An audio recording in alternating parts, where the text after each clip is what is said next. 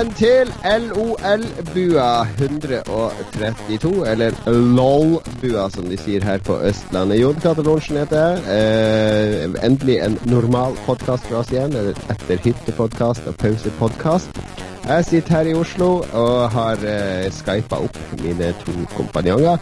Først ut Lars Rikard heter han. Eh, han. Du har jo vært spillanmelder i, i, flere år, Lars, men da for det meste i sånn derre sånne der nordnorske spesialaviser som ingen har hørt om, f.eks. Hvalfangsttidene, Skrollsvika Nytt og det nordnorske magasinet Trygdesnylteren. Men nå nylig så har de jo debutert i, som eh, spillanmelder i noen sånn ordentlig spillmedier som Pressfire. Eh, hvordan var det? Det var, eh, det var veldig bra, faktisk. Det var veldig bra. Eh, nå er det faktisk noen som, har, eh, noen, noen som har lest spillanmeldelsen din. Hvordan føles det? Ja, vanligvis er det sånn kommer en tante som har lest det et eller annet sted, og kommenterer og sier ja Men her var det jo plutselig Pressfire, og det er så første ja, for du fikk sjansen. Eh, de ville ha noen til å anmelde Destiny Rise of Iron. Og så spurte jeg i gruppa vår da, om du hadde lyst til å gjøre det da, Lars. For du, du, du anmelder jo fortsatt. Eh, og du har, du har Destiny-kunnskapen. Og du grep muligheten til å debutere i riksdekkende spillmedie. Ja, det var awesome. Eh, nei, det var bra. Han uh, Jarle, han um, Friend of the show. Friend of the show. Friend of the show. Han var veldig flink, for jeg har jo tydeligvis blitt litt lat. Skal vi si litt lat uh, etter å ha skrevet i 20 år for trygdesnyltere. Så har det bare blitt dårligere og dårligere og bare casha inn, ikke sant. Og, men Jarle var en kravstor mann. Han uh, han mente at mitt ternekast ikke sto til det jeg skrev, så han bare pusha på. Jeg måtte sende inn to ganger, faktisk, før ja, han liksom var, var, fornøyd. Og det er jo uhørt i norsk presse i dag å liksom komme med tilbakemeldinger og, og sånne ting. Nå er det jo bare få det ut, få det billig, osv. Så, videre. så det har jeg satt veldig pris Jeg følte følte jeg lærte litt. Og så måtte jeg skrive litt langt. ikke sant? Vanligvis i en avis så er det ikke plass. Jeg, skriver, jeg leverer jo en side med liksom ulike elementer, så blir det ganske kort. Kjørte du da det, det klassiske trikset med å bare Google translate litt fra Eurogamer-anmeldelsen? ja, nei, det hadde han sikkert oppdaga. Nei, men jeg begynte jo, jeg tok med elementer fra hytteturen. Hyttepodkast, hytteturen og ja, det ser jeg. Ja, hvordan jeg drev og tenkte mye. Jeg og Knut eh, drev og snakka mye om Destiny. og måtte finne ut hvordan litt, suret sto var det litt sånn annen følelse når den ble publisert? Jeg følte at oh shit, nå kommer det masse gamere til å, til å lese det, ikke bare sånn, sånn, vanlige avislesere som kanskje vil ha et spilltips. Eh, fikk du noen sånn syrlige kommentarer? Det er jo ofte en del eh, syrlige sleivspark fra dedikerte gamers. Ja, jeg satt jo leseren inn i en slags handling da, hvor vi var på hytta og gjorde, hadde alt mulig en nerd kan drømme om, men likevel så tenkte jeg på Destiny. Og så nevnte jeg at vi spilte Pro Evolution Soccer 2017, og den første kommentaren var vel å ja, Pro Evolution Soccer, går ikke an å ta denne teksten seriøst. Så jeg bare slutta å lese da. Så det var vel første kommentaren, og da slutta jeg å lese. Det var et åpenbart troll, det var jo ren trolling. Så da gidder jeg ikke å lese mer. Men det var en nyttig erfaring. Eh, ganske mye jobb med å få den teksten klar, og jeg er ikke sånn superfornøyd heller. Så vi får se om det blir noe om, eh, om Pressfire. Eh, ja, er du på lista nå? Er du på frilanslista der nå? Blir det mer anmeldelser? F.eks. når Division 2 kommer, tenker jeg at du er selvskreven? Ja, vi får se. Jeg fikk en sånn konto der jeg kan gå inn og redigere mine egne ting, sa han. Mm. Så kanskje det kommer noe mer. Gud vet. Hyggelig, hyggelig. Vi har jo også med oss eh, tredjemann i bua. Han, eh, han, elsker jo å kaste seg på nye trender, så han har akkurat fått vaska av seg all klovnesminken etter å ha vært ute og skremt noen gamle damer med balltre og klovnesminke. Killer Clone Magnus, velkommen til showet. Takk skal du ha. Hva, hva syns du om Killer Clown-moten, Magnus? du, jeg, har har lest, eh, jeg, har ikke lest, meg opp på det i det hele tatt. Har du ikke lest det? Det var fire toppsaker på VG i dag om Killer Clowns. Jeg bare, jeg prøvde å finne ut hvem de har drept. Det viser ja. seg at de har ikke drept noen ennå, så det er bare clown. De har vært skumle. Er ikke det dealen? Ja. ja nei, Kristine ringte meg og var helt sjokkert over at jeg ikke hadde fått det med meg. Um, ja, nei, eh, jeg har, jeg har ennå ikke kasta meg på trenden. Men uh, Det er jo litt rart. Jeg har hørt at, at, uh, at du er veldig glad i, uh, i litt sånn gammel 90-talls hiphop og ja. litt sånn harde ting, sånn som Insane Clone Posse og sånn. det her burde jo være midt i din gate. Ja, jeg digger den Miracles-låta. Den er dritbra. Den uh, der de er så fascinert over, over verden og disse mysteriene i verden som How do fucking er, magnets work? Hvem er din favoritt? er det han Shaggy to Dope eller han Violent J? Hvem av de er det som Nå viser du dybdekunnskaper om et uh, bemerkelsesverdig møkkaband, Jon. det, er, det er fascinerende spennende med tanke på disse her uh, juggaloosene, de uh, fansene de har. Jeg tenkte også på de med en gang da jeg fikk høre om det. At det, ja. Nå er det bare en sånn juggaloo-greie. De har scary clone-image i mange år, og ja. det har bare vært det sånn white trash. Men nå er det siste, for de som ikke har fulgt med i mediene, så er det blitt en sånn her uh, Akkurat som planking. Alle skulle drive og planke for et par år siden. Er det så, så nå, nå godt? Nei, nå skal kidsa kle seg ut som klovner og altså gå ut og skremme folk. Ja, jeg var, var jo oppe i Bodø. Politiet i Bodø jakta på det. Har det vært noe, noe klovning i Harstad, Lars? Vi drev og snakka om det i redaksjonen i dag. Jeg og nyhetssjefen vi drev og lurte på om vi skulle kjøpe sånne klovnekostymer. Så fikk jeg melding fra redaktøren om vi hadde hørt noe eh, vi, i redaksjonen om det her, og han mente det var noe på Stangnes eller et eller annet. Ja, det er klovning på Stangnes. Jeg, tror, jeg vet ikke om det er sånn ønsketenking, for det er jo alle medier har nå lyst til å, Nei, på Seljestad, der hvor vi holdt til, eh, Jon Cato.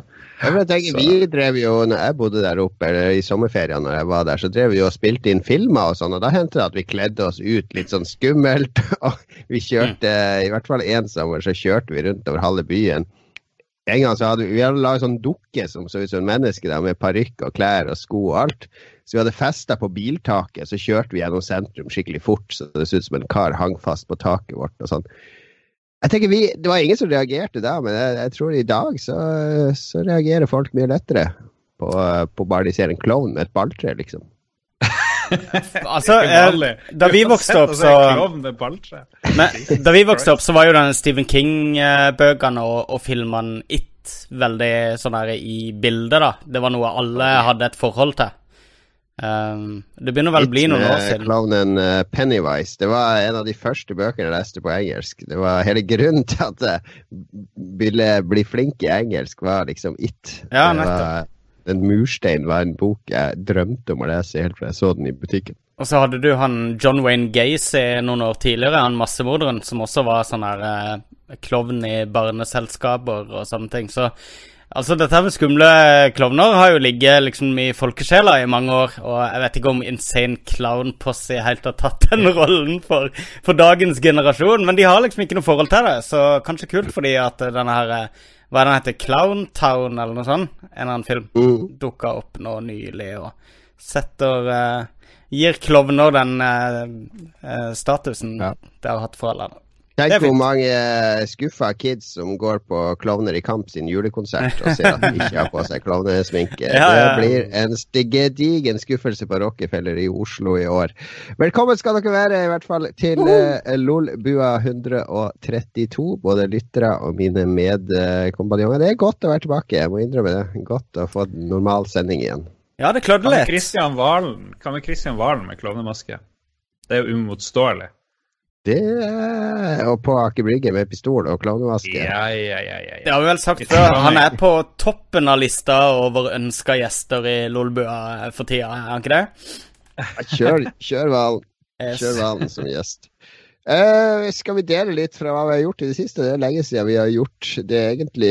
Mm. Uh, jeg kan jo for så vidt begynne, uh, hvis jeg kommer på noe fint jeg har gjort. Jeg kjørte loppe, la meg gjette, loppe. Foreldremøte. Jeg er foreldremøte var på Styremøte? Styremøte har vært en del av mye ja, styr med de. Dere har jo vært på eh, hyttetur, da? Ja, det har vi vært. Ja. Det, har, det har folk hørt. Også, var du fornøyd med hytteturen i år, eh, Lars, og podkasten? Jeg er fornøyd. Jeg driver og er usikker på om, eh, om, det var jeg som var mindre fokusert i år, eller om det er for mye å ha 13 mennesker. Jeg føler jeg har et snev av sosial angst. så jeg vet ikke om 13 mennesker, selv om jeg kjenner alle, så, så ja, jeg vet ikke. Jeg må, jeg må få meg en lite, lite bur, et lite telt. Ja. Noen driver jo og ligger i telt. Kanskje det er jeg som bør ligge i telt til neste år.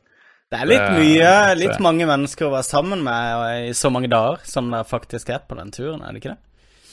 Ja, Vi har jo pleid å disponere to etasjer, da. Så, Ja. så hvis vi tar tilbake andre etasjen, at de som sover der, reier opp, så at det går an å sitte der oppe og spille PS, så blir det jo litt bedre plass. Men Ja. eh, jo, jeg er enig, det blir mye, mye folk. Men eh, 99% awesome å være på den hytta der. Det tror jeg de som hørte hyttepodkasten, skjønner. Ja. Så, eh, så ja. Jeg vet ikke hvorfor jeg skulle surmule akkurat der. Surmule litt bare for å surmule. ja, det Ja, er, tydeligvis. det er Lars. Det er sånn vi kjenner han. Nei, Ja, nei. Nei, jeg, har, jeg vet ikke. Det har vært mye jobb, bortsett fra de, de få dagene på hytta. Så har det vært uh, veldig, veldig mye jobb i det siste. Det er jo det er mye som skjer på jobb for tida. Jeg var I dag senest var jeg på pitch hos eh, NFI, fordi man, eh, Norsk Filminstitutt deler jo ut penger til spillutvikling Mm. tre ganger i året. De har en sånn pott på 20 millioner som du kan få til utviklingsstøtte. Og eh, vi, jeg var inne og pitcha i dag for, for Krillbite. Det er min tredje gang jeg har vært inne og pitcha for NFI. Hva du har lært av Donald Trump når du pitcher? Det er veldig lite egentlig å lære av Donald Trump som, som hjelper deg, i hvert fall i den norske, den norske samfunnsstrukturen eller forretningsmiljøet, vil jeg påstå. Eh, nei, det er noe Det er nå bare å være ærlig og hyggelig. Se, der tar du feil med en gang. Det, å være ærlig er jo bud, bud én i Trump-skolen er jo ikke være ærlig. Så her må du tilbake på skolebenken. Ja, ja men det er, det er litt morsomt å pitche prosjektene sine. Du må pusse de, spisse de, sånn at eh, du presenterer noe salgbart og som får folk nysgjerrig osv. Uh, det er, det er noe, når man er kreativ og lager ting som man skal selge, eller som man skal få andre med på, sånn, så er det en del av den kreative prosessen. Og det er ikke alle som syns det er like gøy. Noen vil bare sitte og og pusse på produktet eller gjøre det kunstnerisk perfekt. Mm. Men, eh, men jeg syns det er ganske gøy å ta det vi lager, og så putte det inn i en kontekst og, og en presentasjon.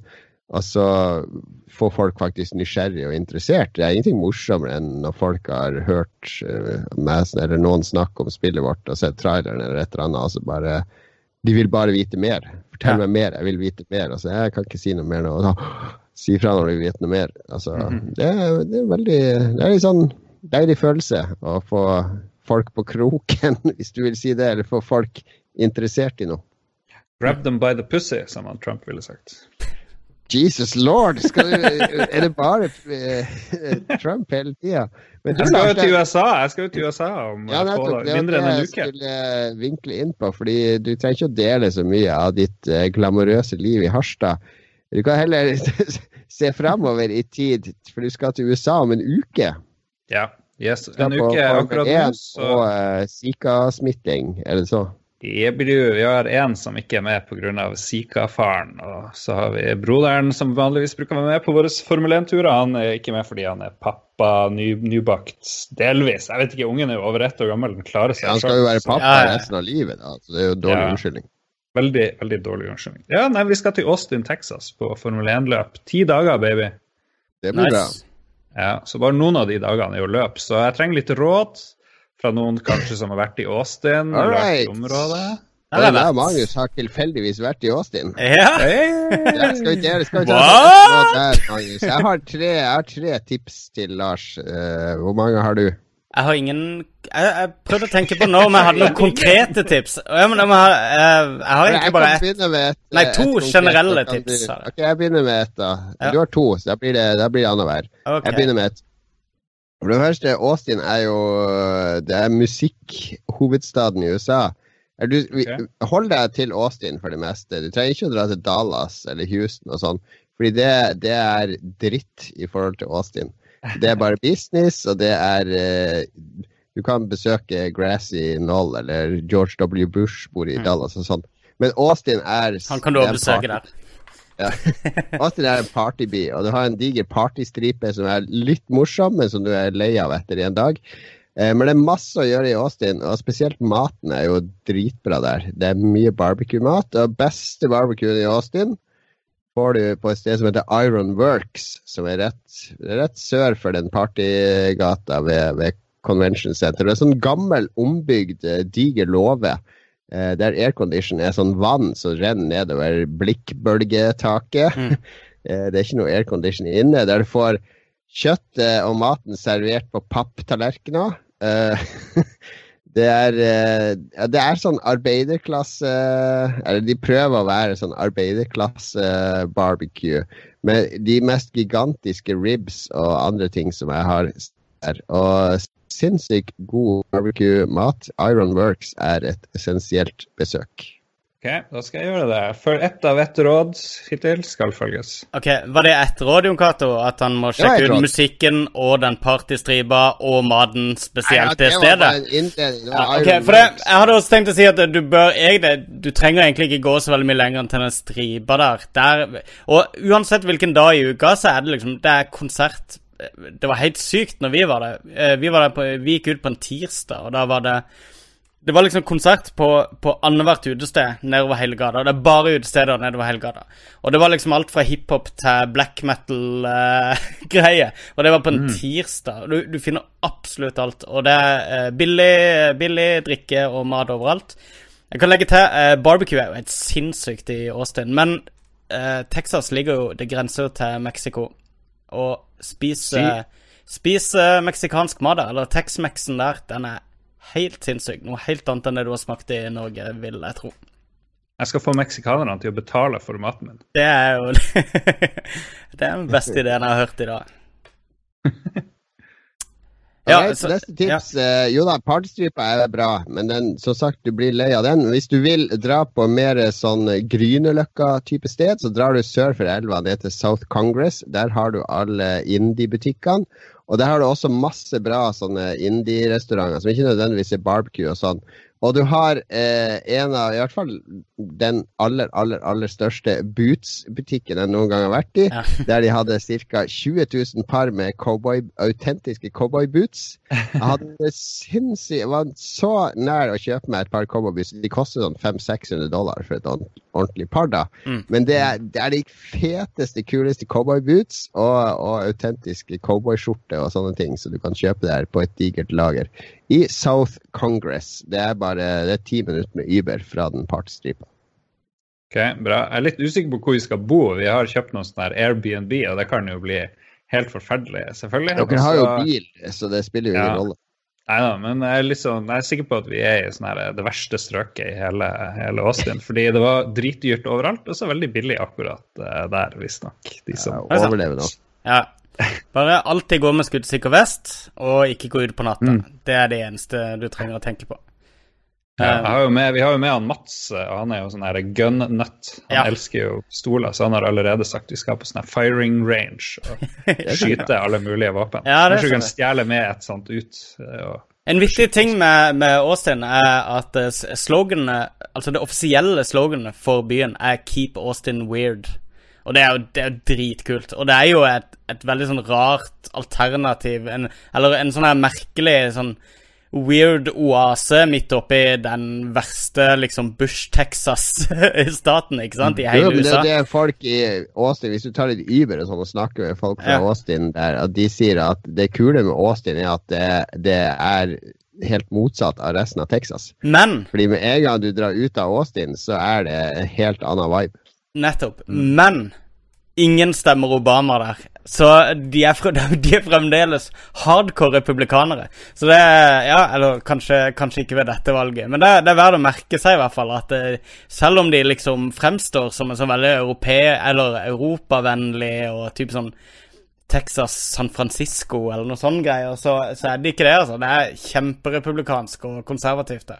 Eh, politisk sett, i hvert fall. Så det, det, det er veldig merkelig sted, men eh, dritglad for at jeg fikk dra der. BioWare holder til der. Det var derfor jeg var der. De har et studio, så hvis du vil uh, prøve liksom å få sponsa litt av turen din, så kan du kanskje stikke innom på et studiobesøk på veien. Mm. Ja, god idé. Meget godt tips, eh, Magnus. alle, alle, muligheter til å skrive av turen på skatten. Ja, eh, det, det, er jo det vi frilansere gjør, da. Men uh, morsom Jeg tok jo mye Uber når jeg var der Når vi var der på Messer. jeg var der for Krillbite. Og da han ene Uber-sjåføren han spilte Top Gun-CD-en i bilen. Uh, det må jo være en våt drøm for Lars å ha i en Uber-bil med Top Gun-musikk. Men jeg, ha, jeg har én anbefaling til. Jeg har to, da. Jeg, jeg har ingen flere, så du kan ta min. Hvis du vil eh, ha bra pizza, så kjører dere til Austin Beer Garden Brewing Company. ABGB er det kjent som der borte. Det er um, det er sånn diger eh, låve litt sør-vest for byen, langt ute i skauen. Uh, som har eh, sånn, sånn eh, hipsterøl og pizza, og selvfølgelig livemusikk. Alle steder i Åsund har livemusikk. Mm. Men det, det, pizzaen var veldig god. da. Det morsomste der da, er at de, du får sånne flagg da, når du bestiller pizza, som du må ha ved bordet ditt der ute. Og alle de flaggene er bilder fra 80-tallsfilmer. Uh, så, så, jeg fikk fra Planes, Trains and Automobiles var, var, vårt flagg da. Men det var utrolig, utrolig god pizza der. Uh, de er ikke kjent for pizzaen sin i Austin, men den pizzaen var en av de bedre. Og det aller siste tipset mitt Hva du sa du het den plassen her, forresten? ABGB. Austin ja. Beer Garden Brewing Company. Mm, okay. Uh, det aller siste tipset mitt det fikk jeg fra selveste Joakim Lund i Aftenposten da jeg var der. Jeg fikk ikke fulgt det opp sjøl, altså derfor så, så paser jeg arven fra Joakim videre til deg, Lars. For Joakim er jo en, en, eh, en habil matskribent. Det er du mm. enig i, Magnus? Definitivt han, han, kan mat, og han har vært i Austin veldig mange ganger og skrevet om South by Southwest, mm. men også om matkulturen og grillkulturen der. Og det han anbefalte meg å gjøre Han, han gikk god for Ironworks, det er det beste grillmaten i eh, Texas, eh, i, i Austin. Men hvis man kjører en halvtime utenfor byen, er det en bitte liten by som heter Lockhart sørøst for Austin. Og mm. Lockhart er en sånn liten filleby. Du finner den på Wikipedia, og sånn, men det står ikke noe spesielt der. Det er jo spilt inn en del filmer og sånn der, faktisk. Og Final Fantasy-fans bør jo kjennes i besøkelsestid når de hører det navnet der. Tifa Lockhart. Tifa, Lockhart har ifølge Joakim Lund de mest fantastiske barbecue-restaurantene i hele USA. Så hvis dere mm. tar en, en, sånn ettermiddag og kjører ned dit og bare oppsøker en av de barbecue-restaurantene, så blir det sikkert uforglemmelig. Uh, jeg angrer veldig. Jeg hadde, vi hadde ikke bil når vi var i Austin. Jeg orka ikke ta Uber helt dit. Så, så oppsøk Lockhart.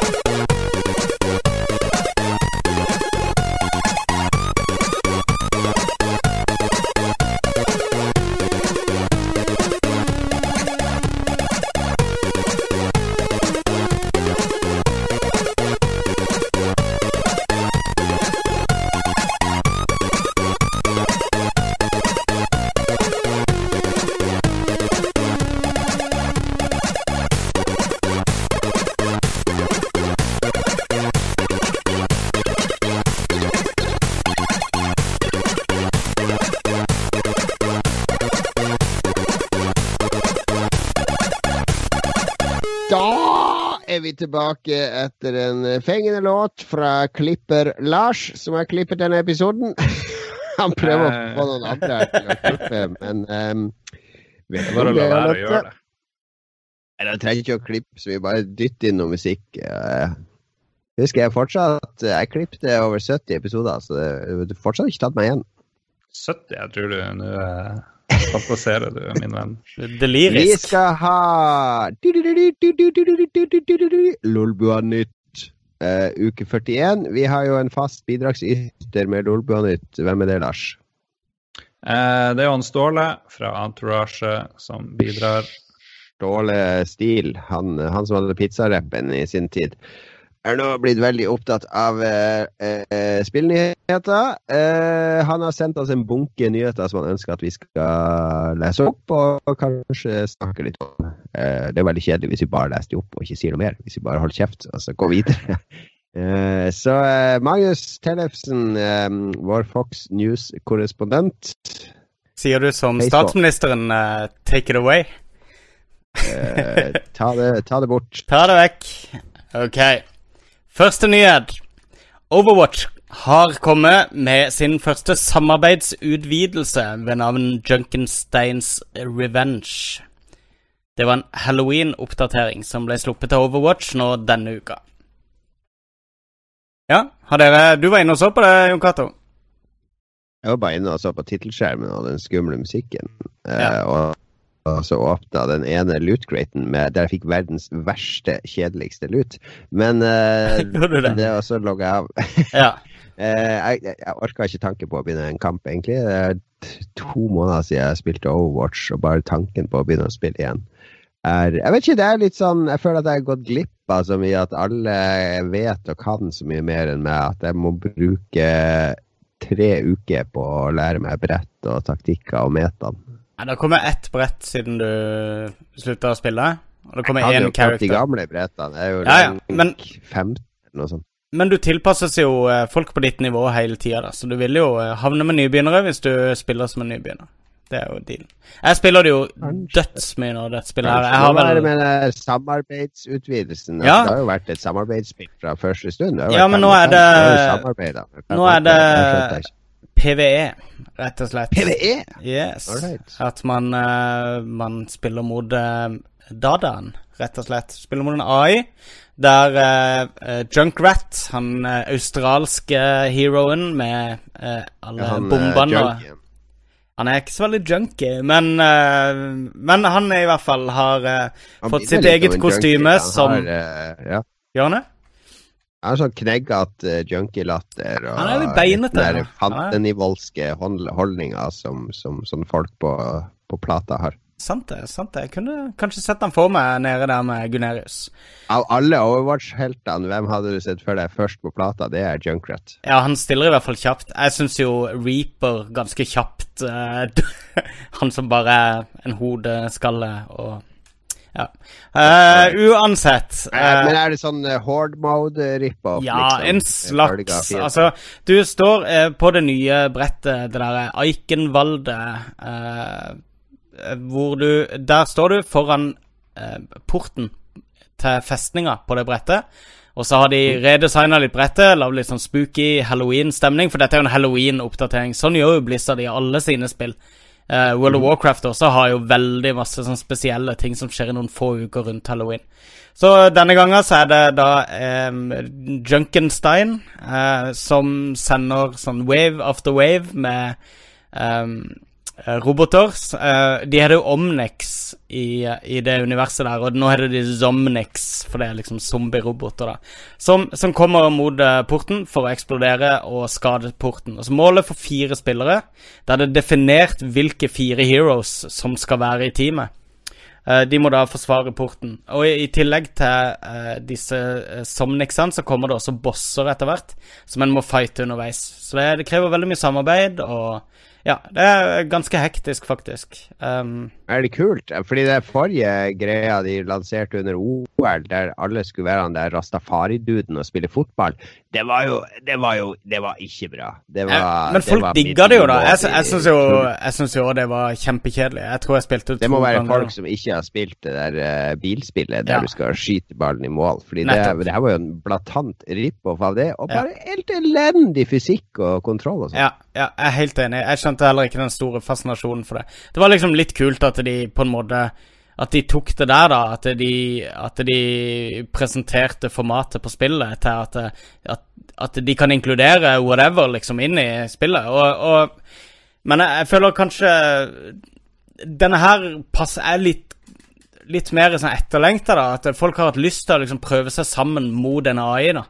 Ikke sant? På, mm. på en annen ja, måte. Så det er kul modus. Ja. Uh, veldig. Uh, og så har de sluppet Jeg tror det er åtte 50 sånn eksklusive items som bare vil være tilgjengelig nå i, i tre uker frem til halloween-perioden. Da går kredittkortet til Magnus varmt. Jeg tror ikke du kan kjøpe, kjøpe, disse itemsene. Jeg tror du må få dem ved å levele opp, uh, okay. rett og slett. så men ja, eh, kan du ta og prodde Lars og vekke han? For nå er vi ferdig. Mm. Lars, Lars er ferdig med Overwatch nå. Nå er det slutt på Overwatch. Det kommer, noe, det kommer litt senere, så skal vi snakke om dine spill. Nei, vi skal Vi skal holde oss innen ja. halloween, ja, Halloween Lars. Fordi det er ikke bare Overwatch som, som, kjører på med litt sånn skumle ting. Nei, også eh, norske Funcom har eh, kommet frem med et nytt skrekkspill, Lars. Det skal hete Hver gang vi har noe som er proft, så er det en som må ødelegge og påpeke. Og nå, nå var det proft. Akkurat som ja. det er et sjokk. Ja, jeg vet det. Jeg vet det. Det var en kjempefin overgang, tenkte jeg. Ja, vi bare, vi bare glemmer at Lars er her uh, akkurat nå. Jeg skal legge meg igjen. Gå og legg deg. Alright, Funcom kommer med et nytt skrekkspill. Sånn, de dro det opp av hatten. Sånn, uh, det her kommer nå om to uker, eller noe? Ja, det var, det var overraskende. Uh, Hide and Streak skal det hete. Um, altså Det beskrives som et konkurransespill hvor man skal skremme hverandre. Jeg, jeg, skal innrømme at jeg leste ikke så veldig nøye om det spillet da jeg fikk uh, nyhetsbrevet der. Men uh, er det noen av dere som, som har noe dybdekunnskap om det å dele? Jeg leste ikke så mye om det heller. Lars, har du prøvd det nå? jeg så den meldinga som dere så i tre sekunder, og tenkte ja, ja, det blir spennende å se hva det her er, og vet ingenting mer. Ja. Det var et eller annet studio i utlandet som lagde det. Jeg vet ikke helt hvor. Men de fikk tydeligvis lov å leke seg litt eh, i Funcom-kontorene. Så bare ja, ja, da gir vi det ut. Var det ikke USA eller Canada-studio? Ja, det var noe sånn Montreal eller noe sånt. Ja. Ja, de sier det. Jeg syns det hørtes kult ut, fordi det hørtes ut som noe som jeg ikke helt fikk grepet på bare å lese beskrivelsen. Så jeg fikk litt lyst til å prøve det, bare for å se åssen det er. Ja. Uh, og så syns jeg det er kult at de ikke lager sånn uoffisiell oppfølger til Among the Sleep, sånn som de gjorde med The Park, der hun mora er blitt litt eldre, og han gutten er ja. blitt litt eldre og har forsvunnet i en fornøyelsespark. Det var uh, våre advokater uh, Vi måtte rådføre oss med våre advokater der om det her var en infringement eller Nei, det er bare tull. Altså, men Funcom sa jo at Eller de sa i det presseskrivet i hvert fall at, at dette var liksom Det henger litt sammen med The Park med at eh, Men om det var bare i form av at eh, Funcom liksom nå har en tradisjon i å lage litt sånn der uh, gufne, skumle spill, eller om, de ba, eller om det faktisk er en sammenheng, det tør jeg ikke si noe sikkert om.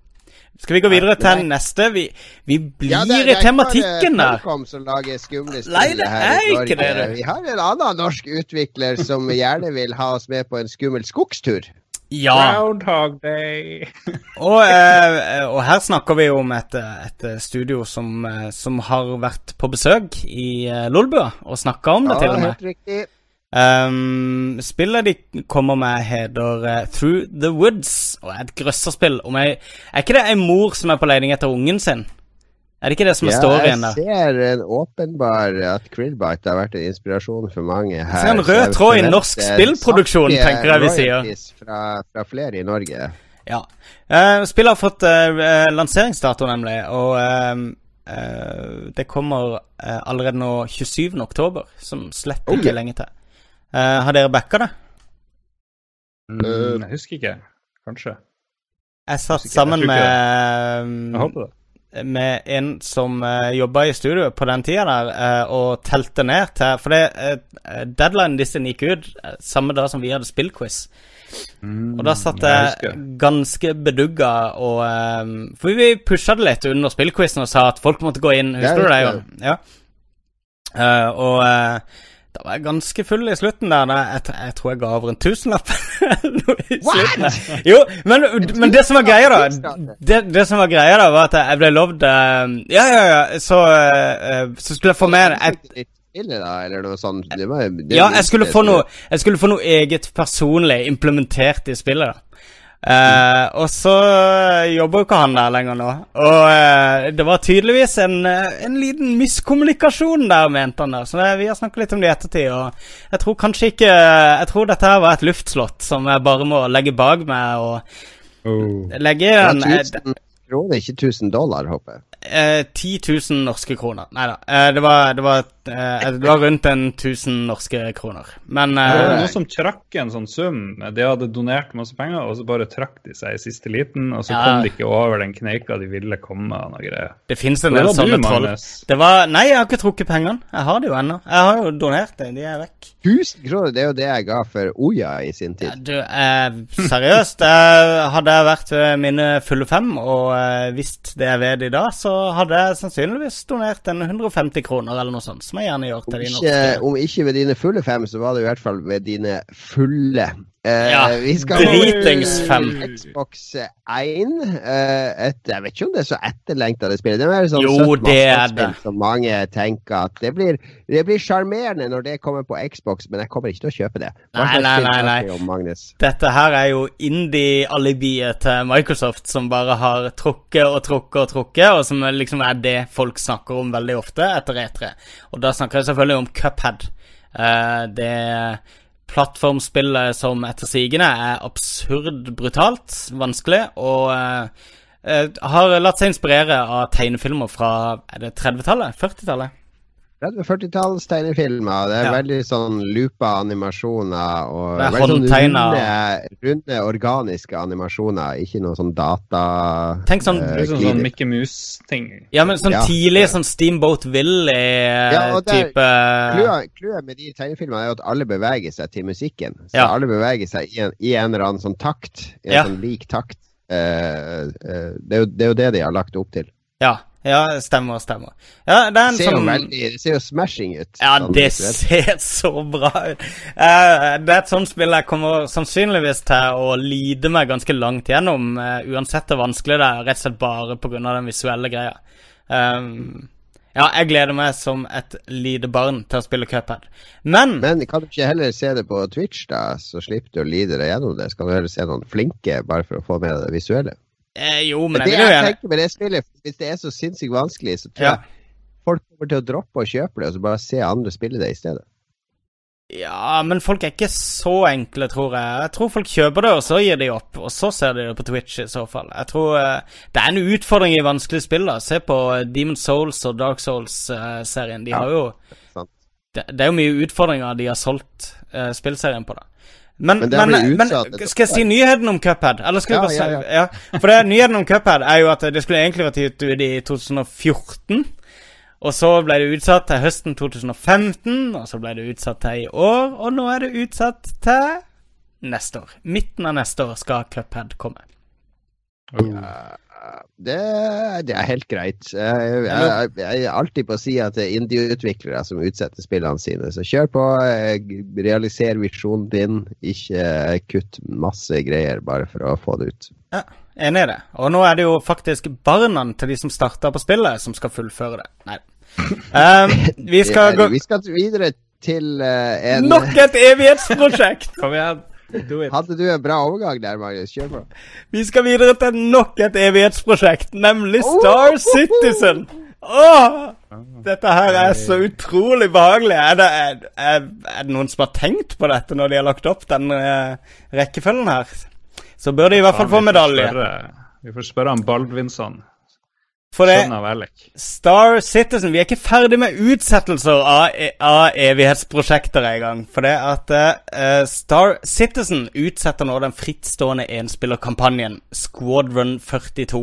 Den var planlagt for i år. Um, men nå har de ikke lenger noe dato. De sier de vil komme tilbake til dette så fort de har noe mer klart. Enspilldelen skal bestå av 28 kapitler og har fått mye omtale for sine meget, nei, mange kjente stemmeskuespillere. Og øverst på rollelista finner vi skuespillere som Gary Oldman, Mark Hamill, Gillian Anderson og Andy Serkis. Ja, er det noen av dere som er hyped for Star Citizen? Jeg har fått en, en kompis som plutselig oppdaga det, min venn Kien. Så jeg har måttet sitte og se et par sånne dokumentarer. De gir jo ut jævlig mye stoff. Og ganske bra sånne behind the scenes-greier på det her Star Citizen. Ja. Så han er, han er gira. Min venn eh, Mats eh, hadde lyst til å fære tidlig på USA-turen fordi de har sånn Citizen-con, eller hva det heter, denne Ja. helga. Og så videre og så videre. Eller forrige helg, eller hva det var. Så det er mange som fremdeles er gira. Jeg er litt deff, selvfølgelig. Uh, jeg, jeg, jeg, har, jeg følger veldig lite med på det, egentlig. Det er en veldig bra artikkel på kotaku.co.uk eh, om uh, The Trouble Development of Star Citizen, som er en superlang artikkel der han har snakka over flere måneder med det er jo fem studioer eller noe sånt, ja. som, som, de Star Citizen er delt opp i. Med mange som jobber der og har jobba der. og Uh, for både, Det er ikke sånn artikkel som prøver å ødelegge spillet. Det er mer sånn der uh, mange som er oppgitt over ting, men så, mm. også mange som er positive. Uh, men det er, det er veldig sånn ærlig artikkel om Som spillutvikler så kjenner jeg meg igjen i mange av de problemene de har havna oppi med å ekspandere raskt og, og, ha flere studier som jobber på ting samtidig, og som ikke kommuniserer ordentlig osv. Så, videre. mm. så jeg, jeg, tror det spillet kan umulig innfri. Det er det som er problemet mm. mitt. Jeg tror egentlig at hvis de hadde valgt Elite Dangerous-modellen med å gi ut en sånn uh, hovednerve av et spill først. Mm. Elite Dangerous, når det kom, var jo veldig, egentlig ganske tomt. Det var grunnpremissene var der Du kunne gjøre det grunnpremissene hadde lova. Og så har de bygd det ut nå måned etter måned, år etter år. Ja. Men nå kan du lande på planeter, nå kan du gjøre ditt, nå har vi innført datt.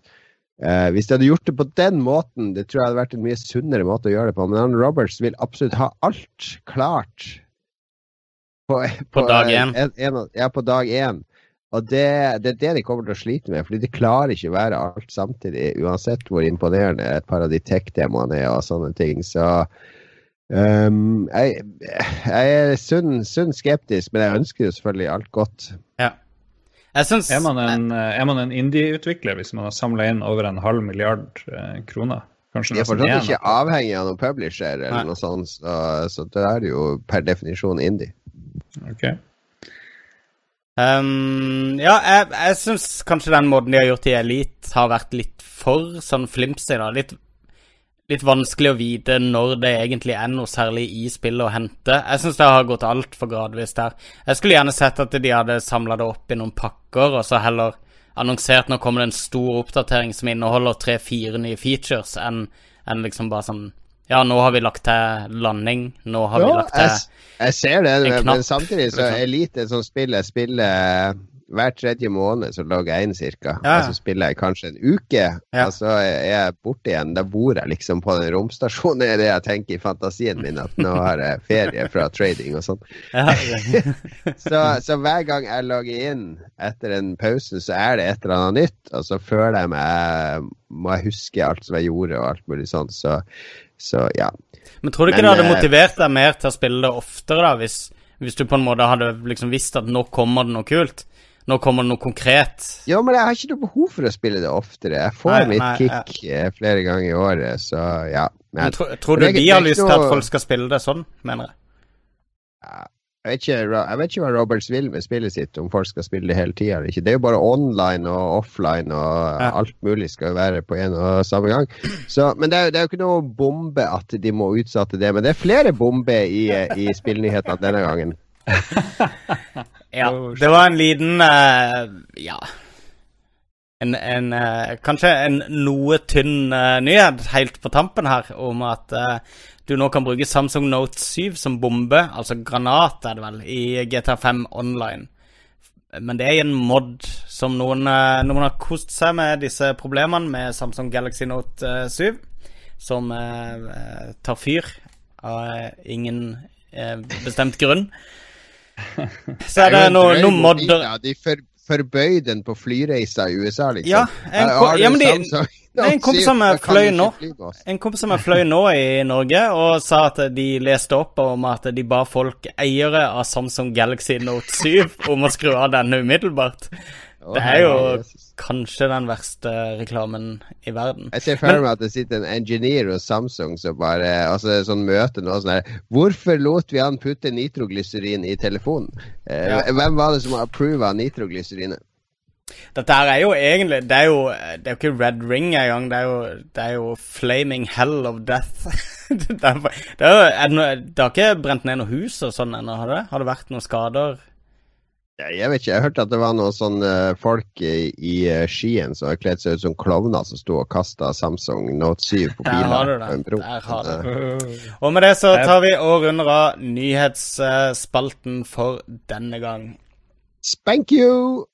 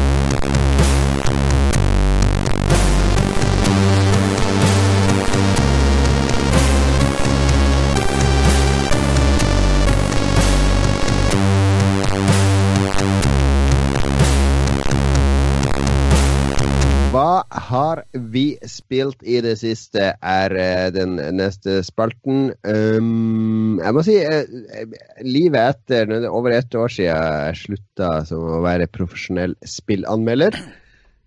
Det er veldig deilig å ikke må spille spill hele tida. Ja. Derfor er mitt bidrag i ukens spalte ganske kjedelig. Det er så kjedelig at jeg tror faktisk jeg skal begynne. Det eneste jeg har spilt de siste tre ukene, er Destiny og World of Warcraft.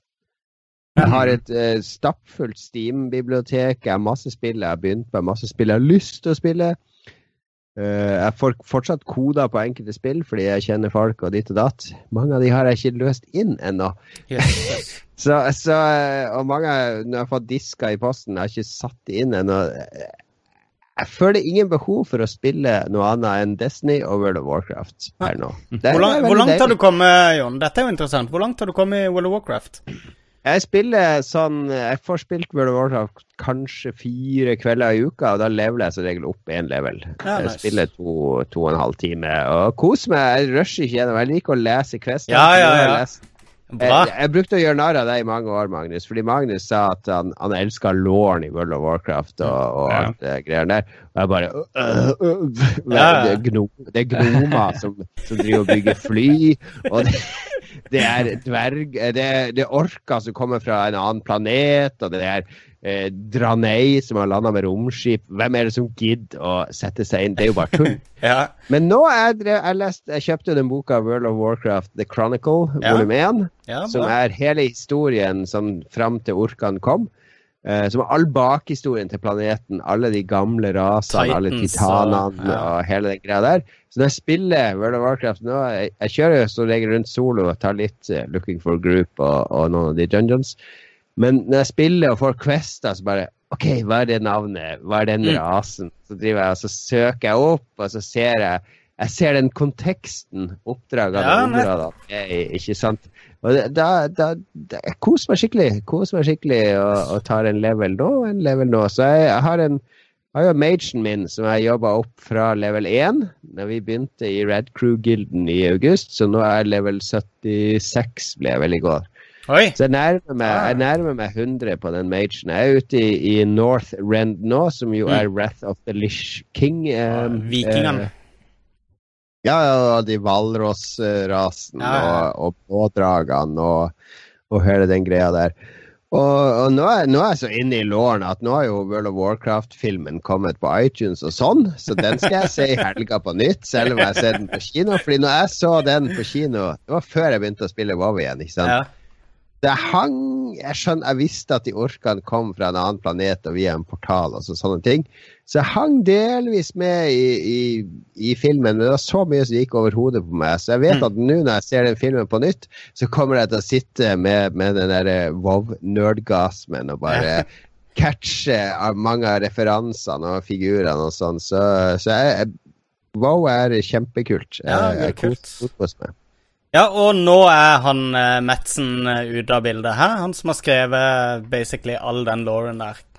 Ja, men han, jeg tror han skrev fram Jeg tror ikke han var med på de to siste. Jeg tror han, han var mye mer over på Overwatch. Han, det er han som lagde ja, mye av Helt i slutten var han det. Ja. Så, så jeg tror, og Diablo 2 og 3. Siste utvidelsespakken, som jeg, det tror jeg er laga helt uten Metzen, og den er jo knallbra storywise og, og ja, lawwise. Så. Ja. Så jeg tror nok uh, Ja, det, det, er sikkert greit. De har flinke folk som tar over stafettpinnen. Se den. se den. Men så gøy å høre, da, at, eh, at, eh, at du setter pris på den store konteksten. Det er jo det er noe oh, yeah. som er det gir veldig mye ekstra underholdning i det ja, spillet. Det er, eh, det er, den gangen. Det er, det er en gang hvert tiår som jeg sier at Magnus egentlig hadde rett. Så nå, det er denne gangen, Magnus. Så nå blir det i 2020 et eller annet, så skal du få rett i noe annet. Og så sa du det på internett, til og med. Det syns jeg var utrolig kult av deg. Med video og alt. Sjenerøst. Sjenerøst av meg. Men jeg har også spilt uh, Destiny, og det har jo du og Lars. Ja. Yeah.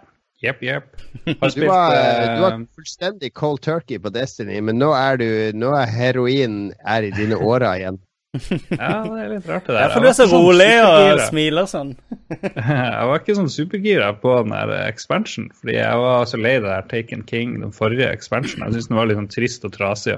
Selv om det var en veldig stor expansion, så jeg likte ikke at alt var grått og grønt og sånn her. Nei, den dreadnoughten er et kjipt område, det er den. Ja, ja. Så, men så er det jo tilbake nå i Cosmodrome eh, veldig mye, og det er litt den der estetikken fra når du er hos, under bakken til den der satellittkontrollør-AI-en, Rasputin, som er veldig sånn her, sånn stilig sci-fi-aktig, old sci-fi-look på ting og tak. Mm. Og det går videre i raidet, som jeg ble hjulpet gjennom fordi jeg måtte ta raidet for å skrive ferdig den der anmeldelsen hvor du ble sur jo, fordi jeg ditcha den faste gjengen. Tulla jo bare. og, men det, det er entourage-folkene er utrolig hyggelig å spille med. Så det, det, er noen flere som har lyst til å ha med deg, så det må vi. Jeg skal bli med en eller annen gang. Til helga, kanskje. Ja. Så det blir bra. Og det nye raidet er veldig kult, og bla, bla, bla. Um, men uh, godfølelsen er der. Det er jo det morsomste spillet å hoppe rundt og skyte og springe i. Men det er jo Problemet mitt, med det, eller ikke problemet, men alle andre skytespill jeg har spilt siden Destiny, har føltes litt som det her ikke er like kult som Destiny, ja. uh, av en eller annen grunn. Hm. Jo, absolutt. I hvert fall FPS. Ja, ja. Jeg kan godt spille litt Division, som jo er en av de få som liker. Så det har òg bra, bra, feeling. Men det er jo en cover-shooter, da. Men det, for de som tror third, de ikke vil eh, like ja, men for de som tror de ikke uh, vil tilbake til Destiny, så bare ta, smak litt på heroinet. Spill en tre-fire timer, så uh, føles nåla god. Bare røyk det. Du trenger ikke, du trenger ikke sette det i årene med en gang. Bare røyk det. Det er for øvrig, hvis, hvis, vi kan spole kjapt tilbake til Star Citizen som vi prata om før ja. musikken. fordi det er, det er en veldig stor, stort poeng i den artikkelen jeg snakka om på Kotaku med de utviklerne, at han, Chris Roberts er veldig opptatt av at han vil at Star Citizen, når du utforsker planeter, skal du kunne gå både first person og third person. Mm -hmm. Og det er ingen spill, bortsett fra sånn Oblivion og sånn rollespill, der alt ser keitete ut i third person, som lar deg velge mellom first og third person. Og det er fordi at det, ingen, det, det, går ikke an å lage et spill som føles bra både i first person Nei. og third person. Bare se på Skyrim uh, og disse her. Ja, han Ollie Moss la ut en kjempebra sånn animasjon av hvordan armene til hovedpersonen i Firewatch ser ut. De er sånn overdimensjonerte skipperen-armer. Fordi du ser de bare foran kamera, ikke sant? Så kroppen hans er kjempeliten, men de armene er sånn gigasvære fordi de, de bare kommer opp og, og har en funksjonalitet i forhold til kamera. Så, så det, det, er et kjempestort poeng i den artikkelen at yes. den drømmen der er ikke mulig å gjennomføre. Men vi skal prøve, Chris. Vi skal prøve. Men ja, sorry for avsporinga. Uh, du har også spilt sånn mega-hipsterspill, Lars. Ja, hver gang jeg nevner hipsterspill, så sier du jo at du har spilt det for et halvt år siden. Har du spilt Virginia eh, for et halvt år siden? Jeg har ikke spilt det, jeg har ligget med henne. nice. Oh. Ja, nei, det er et veldig sært spill. Koster ikke så veldig mye og tar bare noen timer å kjøre gjennom. Og det er på PC, Xbox One og PlayStation 4. Og det er veldig inspirert av uh, Silence of the Lambs, Twin Peaks og X-Files, kan du si. Og du har veldig lite innflytelse på ting og tang. Eh, ikke like lite som det er The Bunker, som vi vel kanskje har nevnt, som bare er sånn FMV-spill hvor du kun styrer en cursor, og så er det liksom ting mm. som skjer. Men det litt, minner litt om en sånn interaktiv film. Men det som gjør det bra, da, det er at de utnytter mye av de tingene som er kult med film, som ingen spillskapere nesten gjør, og det er å kutte midt i handlinga uh, i ulike scener. Du slipper det her nå skal jeg gå inn i huset og gå ned masse trapper inn i et rom. Du bare, De klipper mens du går og mens du gjør ting on the fly. Så han driver og laster inn neste sekvens kontinuerlig. da. Og så er det ingen dialog. og da begynner vi å ta det, litt langt. Det liker jeg. Hater ja, dialog. Ja, men det gjør det litt vanskelig å følge med. Du må liksom følge med på ansiktsuttrykk og Sier du at det er vanskelig å spille f.eks. Uh, Alone uh, det, det gamle 90-talls Flashback og de spillene der, de er uten dialog. Ja, men det er jo ikke handlingsbasert, det er jo actionbasert. Det går ja, greit, det går greit. Okay, ja, greit. Men så er det også sånn at spillet tar inn drømmer og rare sekvenser, og plutselig er det litt Ice Wide Shut. og mye drømmer som kanskje påvirker handlinga. Jeg har ikke helt skjønt hva, handler, hva, det handler om. Men i et 'letter from the developers', som er en sånn viktig del i menyen, så står det at vi håper du har en hyggelig eller en sånn weird og interesting time. eller noe sånt. Så det, det er vel tydelig at her skal du ikke skjønne alt. Det er litt sånn fire walk with me-opplegg, egentlig. Så, så men eh, ja, og så fant jeg ut at jeg hadde klart 4% av achievementsen underveis. når jeg var ferdig. Jeg bare what the fuck? Jeg følte aldri at jeg hadde noe mye valg. Så jeg har tydeligvis gått glipp av veldig mye. Eller så er det sånn et lite gresstrå der du må plukke opp, eller kanskje eller det bare er sånn Eller stå en time i ro og stirre på det bildet her, så får du en achievement. Ja, en achievement var I, I, made no decisions, eller et eller annet sånt. Så det er mulig man kan la være å gjøre noe som helst. Ja, men det ser ganske fint ut, og veldig kul musikk. Det er sånn Praha symfoniorkester som som har lagd det. Det er vel fire folk til sammen som har jobba med hoveddelen av spillet. Og så er det litt vanskelig å skjønne. Veldig kul stemning. Eh, litt utilfreds med det hele. Jeg det Jeg gir det en sånn sjenerøs terningkast fire, tre pluss, eh, kanskje. Men mulig du skal spille det flere ganger. Kanskje du liksom bør gjøre det. Men mm. eh, de som vil ha en annerledes spilleopplevelse, bør absolutt gjøre det. Største minus er sånn 15 frames i sekundet, stort sett, eh, hvis du beveger deg. Ja. Det er PS4, vet du. Må spille på PC. ja, det er sånne her dårlig Unity-greier, tydeligvis. Unity, ok. Ja. Jeg, jeg, kjenner jeg gleder meg veldig til uh, hvis vi en gang i fremtida lanserer et nytt spill fra Krillbite, når dere skal anmelde det i Lolbro.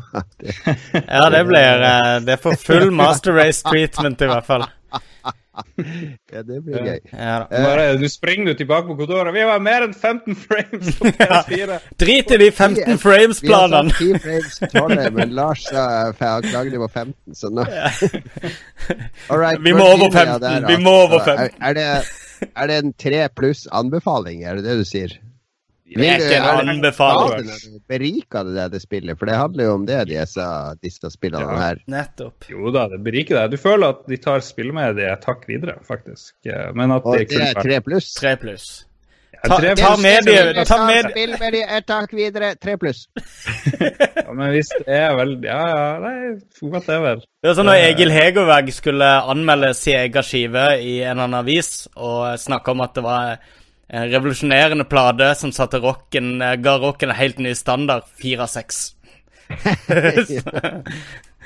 yes. Jo, men eh, en, en skikkelig okay. bra film kan jo se jævlig bra ut og være skikkelig elendig også. Det er, så det er jo ikke bare Neida, kanskje, kanskje. Men en skikkelig bra film som bringer filmmediet videre, får ikke terningkast tre, vil jeg påstå. For tre pluss. Så det var en sånn her samtale Jarle og Lars hadde, vil jeg tro. Magnus, ja, du har brukt opp din Overwatch-kvote, så fokuser på Uh, det andre langt mer testosterondrevne actionspillet du har spilt i det siste, nemlig Gears of War. Det slår meg at de fleste spillene jeg har spilt i det siste, uh, har uh, forkortelsen OW et eller annet sted. både World of Warcraft, Overwatch og Gears of War. Um, ja, jeg har spilt Gears of War 4, men jeg har ikke spilt så ekstremt mye ennå. Jeg har um, satt så vidt gang i det. Jeg har, eh, jeg har installert på både PC Master Race og på Xbox One. Og uh, har spilt uh, en times tid på hver av de, tenker jeg vil si. Um, spillet er sykt pent på begge to, som de som er ute etter en sånn her uh, type sånn grafikk sånn solid grafikkoppdatering av det bestående Gears of War-universet. Kommer sikkert til å synes det er gøy å spille Gears of War 4. Det så jo utrolig sånn bland ut i i screenshots, husker jeg, som kom uh, ja. før sommeren. Uh, ser det bedre nå? Ja, jeg syns det ser bedre ut. De tar liksom De tar uh, settinga litt vekk fra den der standard brune greia, som, den der smørja som har vært i de foregående spillene. da. Og uh, der du hopper litt i tid det, De har en veldig elegant intro hvor du, hvor du spiller ja, deg gjennom Nå er det sønnen til Marcus Phoenix. Riktig. riktig. Nå spiller du sønnen hans som henger med noen sånne outsiders. Og... Ja, for han kunne ikke fått en datter. Altså, altså Social Justice Warrior Jon Cato nå tenker at vi kunne jo vært dattera til Marcus Phoenix, men nei, han fikk jo selvfølgelig en sønn. Men det er selvsagt meg ei dame i crewet der som er like, ja, like hard som gutta. Så, eh, så der, der, leverer de. De leverer ja, og Sier du at målet for damer er å være like hard som gutter? Kan ikke definere sine egne OK, kjør på. Jeg skal Kjør på. Jeg har ingenting å forsvare her. Nei, du har ikke det. En ting som slo meg med spillet, og, og, og jeg har nok ikke kommet godt nok inn i den og føler jeg til at det egentlig uh, holder tak i meg. Nå, nå, spiller jeg Overwatch veldig mye, som, som jeg har sagt noen ganger allerede. og Uh, og det er liksom spillet jeg driver med. Så hvis jeg skal spille et annet spill, som da har vært Witcher og fremdeles er Witcher uh, til vanlig, så må det liksom være en sterk story som drar meg tilbake, der jeg lurer på hva som skal skje videre. og sånne ting. Og, og foreløpig så, så, har nok ikke det skjedd helt ennå i Gears of War. Det er veldig mye nytt. Det er, det er, veldig, det er et veldig annerledes univers enn det uh, vi besøkte i det forrige. Mange flere mennesker, og det er bad guy-mennesker og good guy-mennesker og forskjellige faksjoner og sånn. som og det er, det er, mye roboter, og det er en del sivilisasjon. Det er ikke bare sånn slagmarker. Sånn, noe som tiltaler meg veldig, da. Og dyr, til og med. Men uh, Det føles fremdeles litt sånn tilbake til Gears of War. Ja, ikke sant? Du kommer til et område, så ser du alle de der eh, firkanta eh, boksene posisjonert strategisk rundt på plassen foran deg. Og du vet at nå kommer det tre bølger med fiender før jeg kan gå videre og fortsette historien i, mens vi går sakte. Og den der har jeg ikke helt klart å komme meg ut av ennå. Og det føles litt ensomt, syns jeg, å spille Gears of War alene. Jeg har ennå ikke spilt i co-op sammen med noen, og det, jeg tror det er det som er den der lille X-faktoren som mangler foreløpig. Spesielt når det kommer til den Horde Mode 3.0, som også følger med spillet, som er noe jeg ennå ikke har fått prøvd. da som jeg gleder meg stort til å teste ut. Så um, det er en, en noe ufullstendig uh, gjennomgang foreløpig, men, men foreløpig så er jeg litt, litt sånn Jeg vet ikke. Uh, Sa du hvor lenge du har spilt? Bare et par timer. Så, så det er liksom kan, ikke nok. Jeg kan joine deg. Jeg er klar til å give meg inn i Ja, veldig, veldig gjerne. Oh, han, har ikke, han, har ikke, tid til å klippe sendinga, men han kan gjerne spille Gears of War. men det er jobb. Uh, nei, når noen andre klipper, så har jeg jo kjøpt tid. og det er jo dritkult, for da kan jeg sitte f.eks. på PC-en, så kan du sitte på Xboxen hjemme, og så kan vi faktisk spille co-op, så vidt jeg har skjønt. Og det er jo helt crazy wild. Yeah. Um, ja. Så jo, det er jeg veldig klar for, Lars. Så kanskje vi har noen inntrykk å dele. Alright, Men terningkast etter et par timer, er det mer enn tre pluss bringer spillbransjen videre? Spillmediet videre, eller? Jeg, jeg, vil jo si at det inntrykket jeg beskriver nå, vil jeg jo si er en, en firer. Kanskje en svak firer. Der er, right. der er veldig mye riktig på, på vei, og det, det, leverer en mer positiv opplevelse enn det jeg husker serien for. Men foreløpig litt ensomt og tomt, og ikke noe som fenger meg. Det er en firer firer, føler jeg. Så Trekk tilbake det der med at du springer spillmediet videre, for det blir bare bråk. det, var, det var veldig lite gjennomtenkt. Jeg skal glemme Rundt episode 150 så skal jeg la den ligge, Lars. Fortsatt 18 episoder til. Dette var det vi hadde av spillopplevelser vi har spilt i det siste jeg, har, jeg kan jo, siden jeg var så utrolig kjedelig, jeg kan ta med ett mobilspill som jeg har faktisk spilt en del i det siste. Som heter Pixelgrams. Har ikke nevnt det før, er det? Nei, jeg tror ikke det. Pixelgrams er rett og slett et sånn pikselbasert puslespill der du skal putte sammen en postkasse eller en katt eller en fugl eller Hvert stage har ti-tolv forskjellige sånn puslespill. Der du bare får deler Du skal bare pusle sammen piksler til, til ting. Det er laga av Steve Curran, som i sin tid var Red Eye i Edge. Eh, ja. Og som også lagde Chime, hvis du husker det på Xbox 360. Det er charity-spillet der du fikk 100 achievements bare for å starte spillet. Det var det der, ja. ja, ja, ja. Eh, han, han, det er også han som har funnet opp Marioke. Uh, og han har en talk på Nordic Game Convention hvert år som er veldig veldig følelsesladd og uh, kunstnerisk, og som ville fått Magnus til å sitte og vri seg i stolen. Uh, men det, det, er et veldig kult mobilspill. Pixelgrams heter det. Ja. gratis, selvfølgelig. jeg og ungene har kost oss på mange T-baneturer med å sitte og pusle sammen ting og tang der.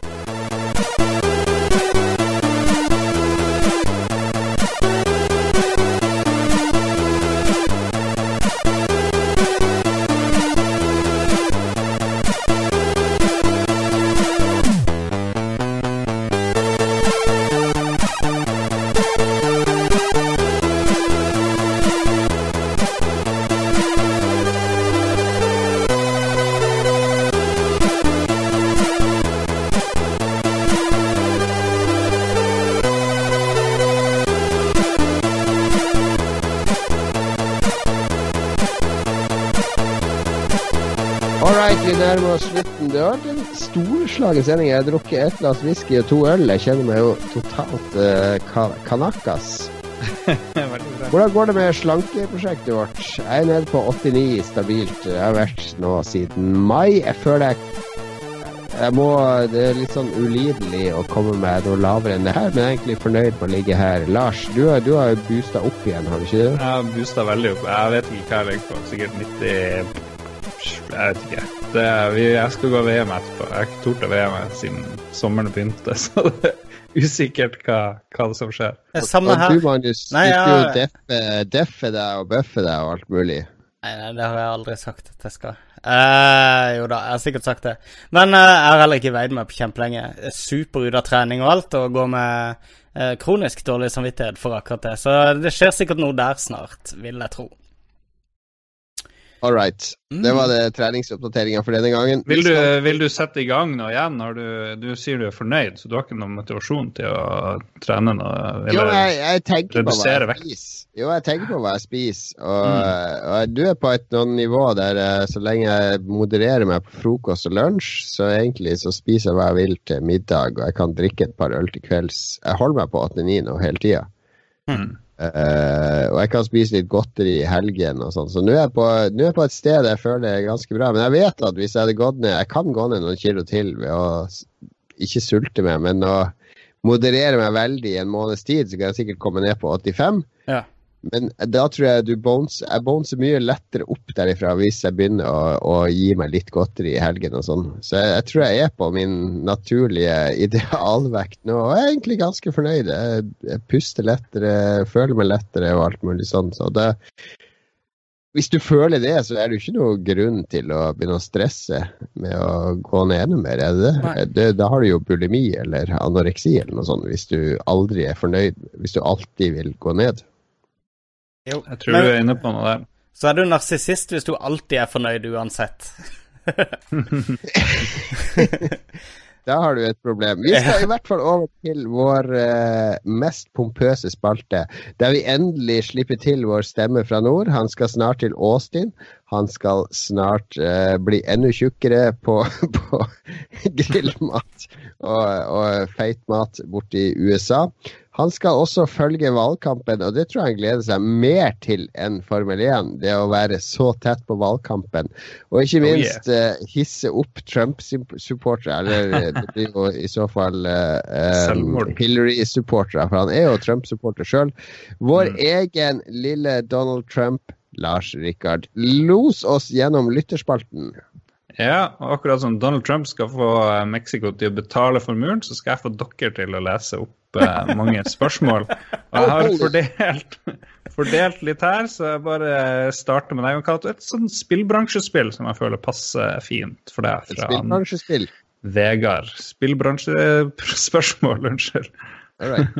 Vegard Mudenia, hva er mest tabu innenfor spillbransjen? Kan man absolutt ikke gjøre? Ja, har du, er det å dra frem snadden på møte med nordisk film? Nei, hva heter det? grabbe de by the pussy. ja, av det i spillbransjen. eh, kan man absolutt ikke gjøre det. Det er ikke noe uh... Det å si 'nå skal jeg lage sånn Minecraft-spill', det kan man ikke si. Det går ikke. For eksempel.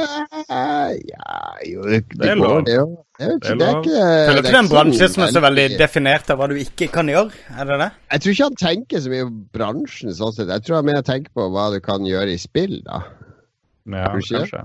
Ja. Jo, sikkert. Jo, da er jo uh, å drepe babyer en sånn gjenganger som uh, Jeg husker de er No Mutants Allowed. De der uh, elleville fansene av Fallout-spillene. De lagde jo furore når det viste seg at du ikke kunne drepe babyer i Fallout 3. Uh, når det skulle komme. Og det, ja, de, had, de, hadde seriøse problemer med akkurat det, og at ikke de kunne, kunne drepe babyer. Så det har vært en gjenganger da, med uh, å drepe barn. Vold mot, uh, vold mot uskyldige. Vold mot barn er ganske ja. tabu. Ja. Det, det, er jo ingen barn i GTA-spillene. Det burde jo være barn som går på skolen eller på vei hjem, så du kan kjøre over med bilen din ja. hvis du er Men Det hadde ødelagt jo... hele spillet. Ja, det hadde jo det. Det hadde vært uh...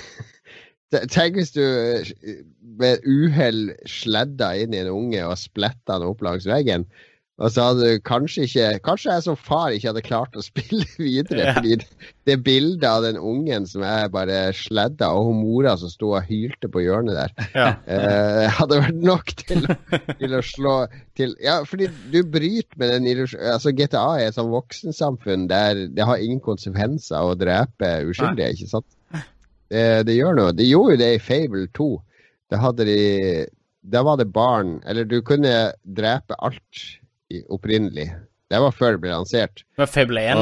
Og, ja, Fable 1 eller 2. Ja. Molyneux fortalte om det i et intervju. Ja, ja, det var Fable 1. de drev med playtesting på slutten av, av utviklinga, og så gikk, gikk, han og så på skjermen til en dude, og han hadde gått rundt i spillverdenen og drept alle unger. Mm.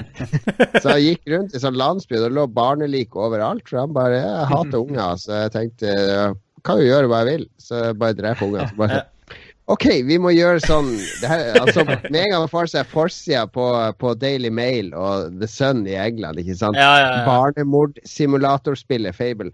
Så, så, derfor ble det forbudt å trekke våpen i byene i Fable. Fordi at du mm. ikke skal drepe barn og, og andre mm. Altså, du, du, spilleren, du må gi spilleren frihet men du må være bevisst på at det er sinnssyke folk der ute som har lyst til å, å realisere de verste fantasiene. Så det er masse sånne ting du må tenke på, i hvert fall hvis du lager åpen verdensspill der du skal simulere virkeligheten på noe som helst måte. Bra spørsmål. Veldig bra, mm. veldig bra svar. Veldig bra spørsmål. Apropos eh, Eller vi får et spørsmål senere om Westworld. Er det barn i Westworld? Jeg kan ikke huske det, for der kan, kan jo spillerne ja. drepe alle de vil. Kanskje de har tenkt på det der òg? Ja, det er barn der. Er det det? Ja? I andre okay. episode så snakker han med en unge. Uh, jeg, har ikke, jeg har ikke sett andre episode ennå. OK. Uh, neste spørsmål kommer fra Roland, som jeg spurte, prøvde å presse ut et spørsmål fra da jeg spilte Destiny med han like for sending. Klarer ikke å fiske frem noen spørsmål eller kommentarer nå, men veldig hyggelig å spille med deg, Roland. Det var det du plukka ut til deg sjøl, Lars. Det var det spørsmålet du plukka til deg sjøl.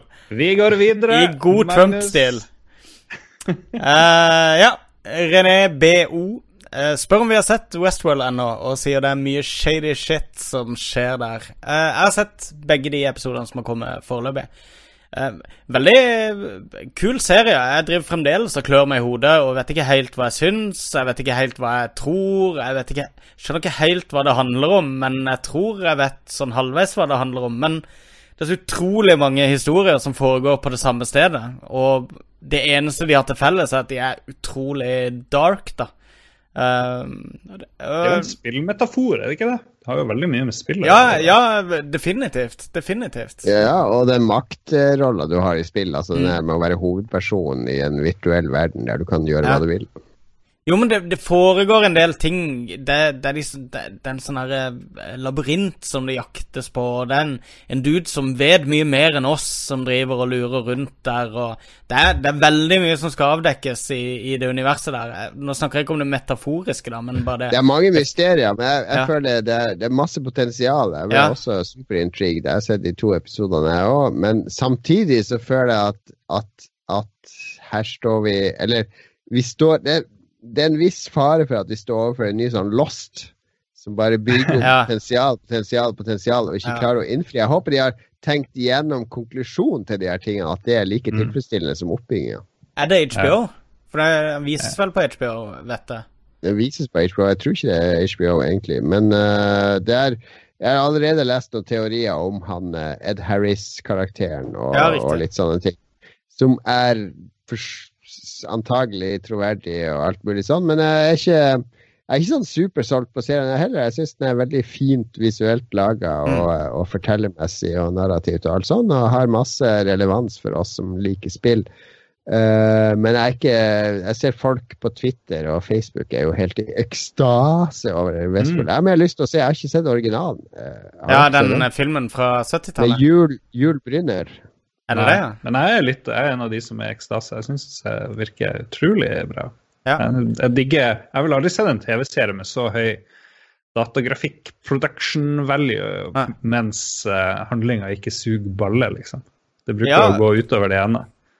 Ja, for jeg syns både den sci-fi-delen av det og den western-delen funker veldig godt med siden av hverandre. da. Det er og uansett hva som skjer på skjermen, selv om det er kjedelige eller forutsigbare ting som skjer, så er det så høy kvalitet på alt du ser på. Det er litt som grafikk i spill. Med at uh, hvis du bare er sykt bra grafikk, så ja, da har du i hvert fall noe å se på. da. Og det det er jo skyhøy kvalitet på alt. På skuespill, på regi, på Ja. Uh, alt det, det, det, er liksom Det er så høy produksjonsverdi. Det, ja, det er ingen tvil om at jeg skal se mer, men, men ja. Det er bare ennå ikke solgt på det. Jeg, jeg, det kan være kjennetegn på en god serie, som bare ikke men, men slenger alt i trynet på deg med i gang, liksom. Hva, han, hva heter han i GTA5? Han Trevor, er det han psykopaten? Ja. ja. Trevor Phillips. Ja. Var det han som spilte han i første episode, han der uh, med melka? Ah. er ikke det Det er, sku, det er Trevor-skuespiller. Er det det, ja? ja helt. Han er også med i, i, i den der eh, Better Call Saul. Den eh, som... spin-off-serien fra Breaking Bad. Ja. Uh, for der er det en episode der en dude skal leie tre sånne livvakter, og han er sånn jævla gung-ho, våpenglad eh, livvakt. Da vet jeg at det er han, men han ligner, det, jeg tror det er han Trevor. Trevor ja, Phillips. Uh, lyttere må gjerne korrigere oss. Kristoffer Getto Boys Hansen Leistad. Han får bare flere etternavn for hver uke som går. Ja. Lurer på våre tanker rundt Gears 4 han skal handle i dag. Det har vi delt av. Ja, det har vi allerede sagt. Ja. Yes. Kos deg med Gears 4. Terningkast 4 fra Magnus. Uh, ikke så bra som uh, Virginia, som er banebrytende for oh, Jo, det er mye bedre enn det banebrytende Virginia. Ja, det, det men, uh, men det terningkastet fire er, er, pending. Det må vi understreke. Det er to timers spilling. Det som er ja. over banebrytende, er jo sjangerdefinerende, så Gears 4 skaper jo da en hel ny sjanger. Ja, og jeg ser Når jeg går ut døra, så ser jeg verden med helt nye øyne. Og... Holy moly, Lars. Ja, jeg gir jo meg sjøl de tyngste spørsmålene her, så han Henrik Olafsen Elman han mener at vi skal snakke om skam, og det går jo rett til deg, Magnus. Ja. Det er jo Magnus sitt oppdrag. Han skulle ja. se Skam. Jeg så jo eh, jeg så to episoder, var det sa, Lars? Jeg tror det var en av de der episodene vi var aleine. Jeg så to episoder, og så følte jeg meg litt sånn sånn her eh, Jeg husker da jeg var rundt 30, og min lillebror var rundt sånn 3-24, og jeg var på fest med min lillebror og kjente liksom sånn her dette her er, ikke, er, litt for gammel for å være her, og så tror jeg. Um, er det noe sånn på TV nå? Liksom? Ja, det er en ny er sesong i gang nå, da. Men jeg har bare sett det, det, er helt sikkert bra og helt sikkert veldig realistisk. Det er mulig jeg ser det hvis jeg har helt sånn serietørke en gang, men, men jeg, jeg, følte det var litt sånn Ja, nei, det var ikke så interessant, egentlig. Jeg tør vedde på det er realistisk, men jeg er litt glad for at jeg er ferdig med den delen av livet mitt også, for å være helt ærlig.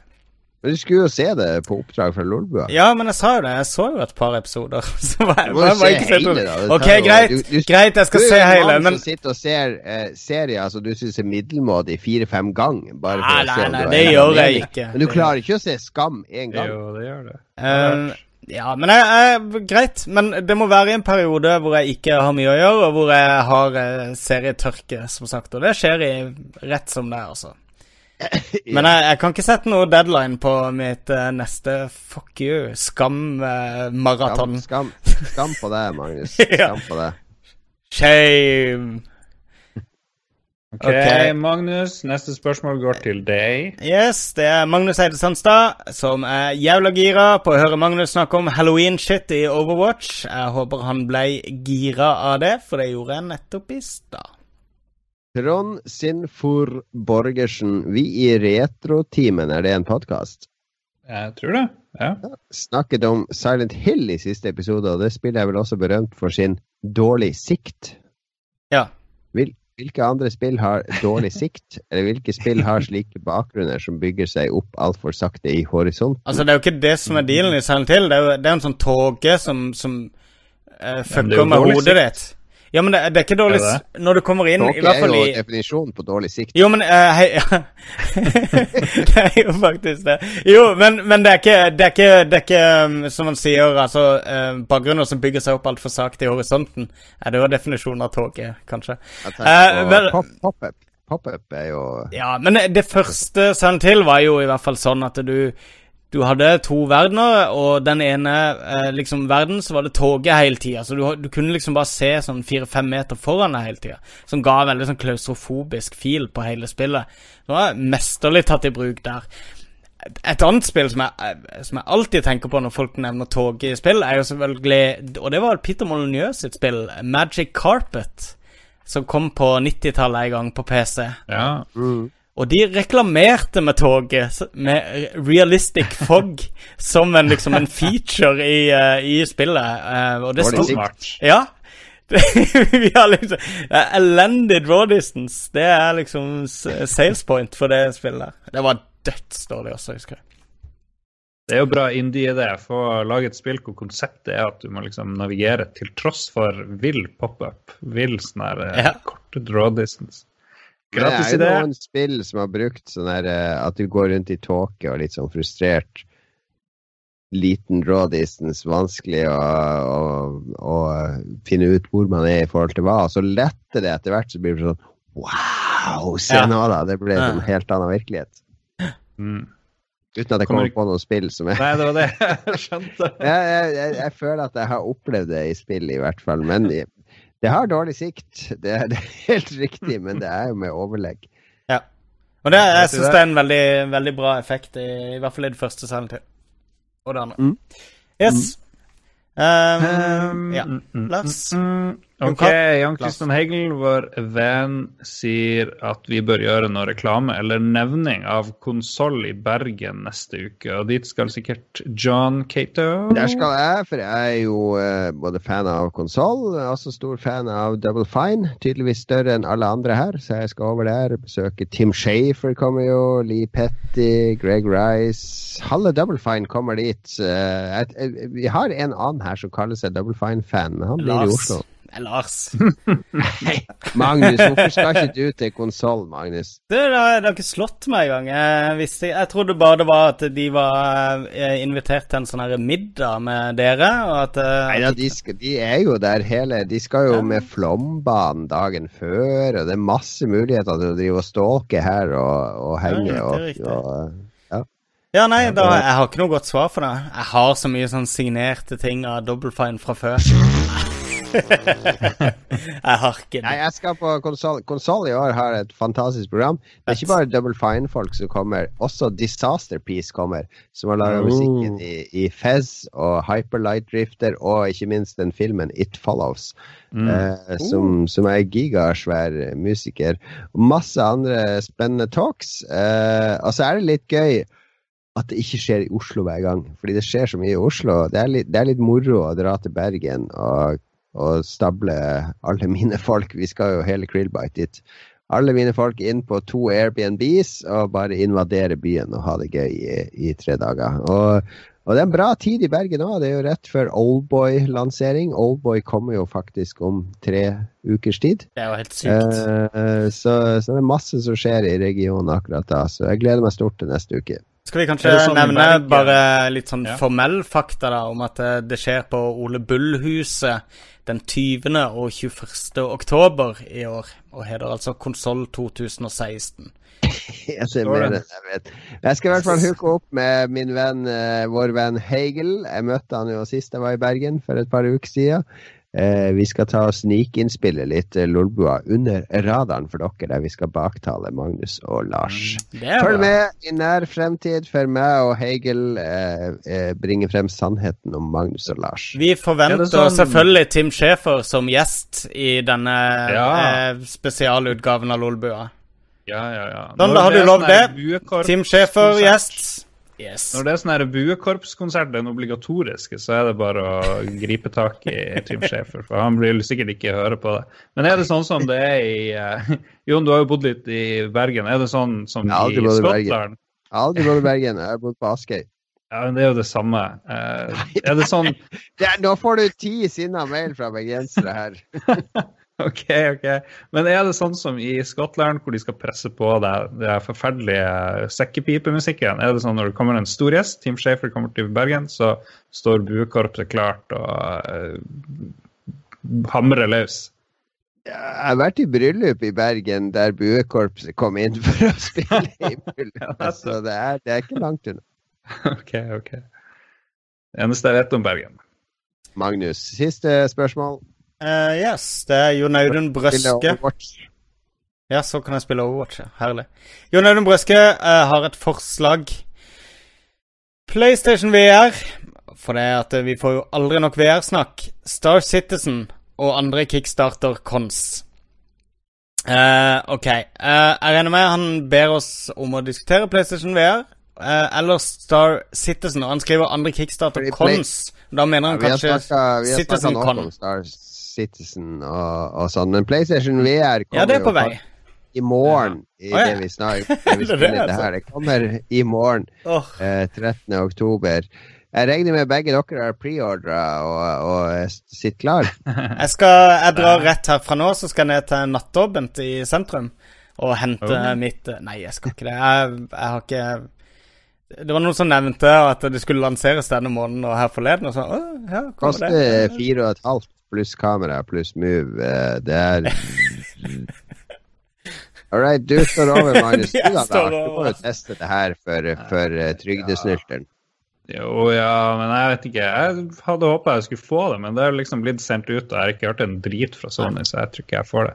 Så jeg tror jeg chiller. Chiller med PlayStation VR. Får jeg det, så blir jeg veldig glad. Men uh, ja. Ja. Slutt å tigge ting på lufta, Magnus. Nei, jeg har, eh, jeg har allerede snakka med Nordisk om det. Og eh, jeg nevnte det fordi at eh, vi snakka om premier til quizen vår. Så da fikk jeg beskjed om at Så sa jeg å ja, det kommer vel nå. VR Vi fikk jo PlayStation VR-nøkkelringer til quizen. Det De var vi. jo kule.